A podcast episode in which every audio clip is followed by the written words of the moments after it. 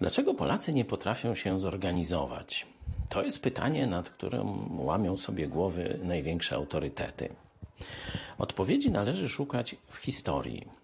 Co wpływa na polską mentalność obecnych czasów? Bo 500 lat temu, no to tam było trochę inaczej. Złoty wiek, protestancka Polska.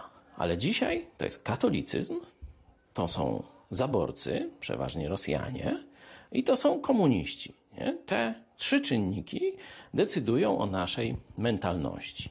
Oczywiste jest, że komuniści i zaborcy mają złe cele w stosunku do Polaków, dlatego nas skłócają, rozpijają, różne tam inne rzeczy. No ale teraz Kościół katolicki. Przecież jeśli on jest dobry, no to powinien pokonać te złe czynniki i Polacy dalej powinni się móc zorganizować. Moja odpowiedź jest, że Kościół składa się do zaborców i komunistów. I im wygodniej jest niezorganizowanie narodu polskiego. Dlatego musimy szukać gdzie indziej punktu odniesienia, żeby rzeczywiście się zorganizować. Porozmawiamy o tym jeszcze.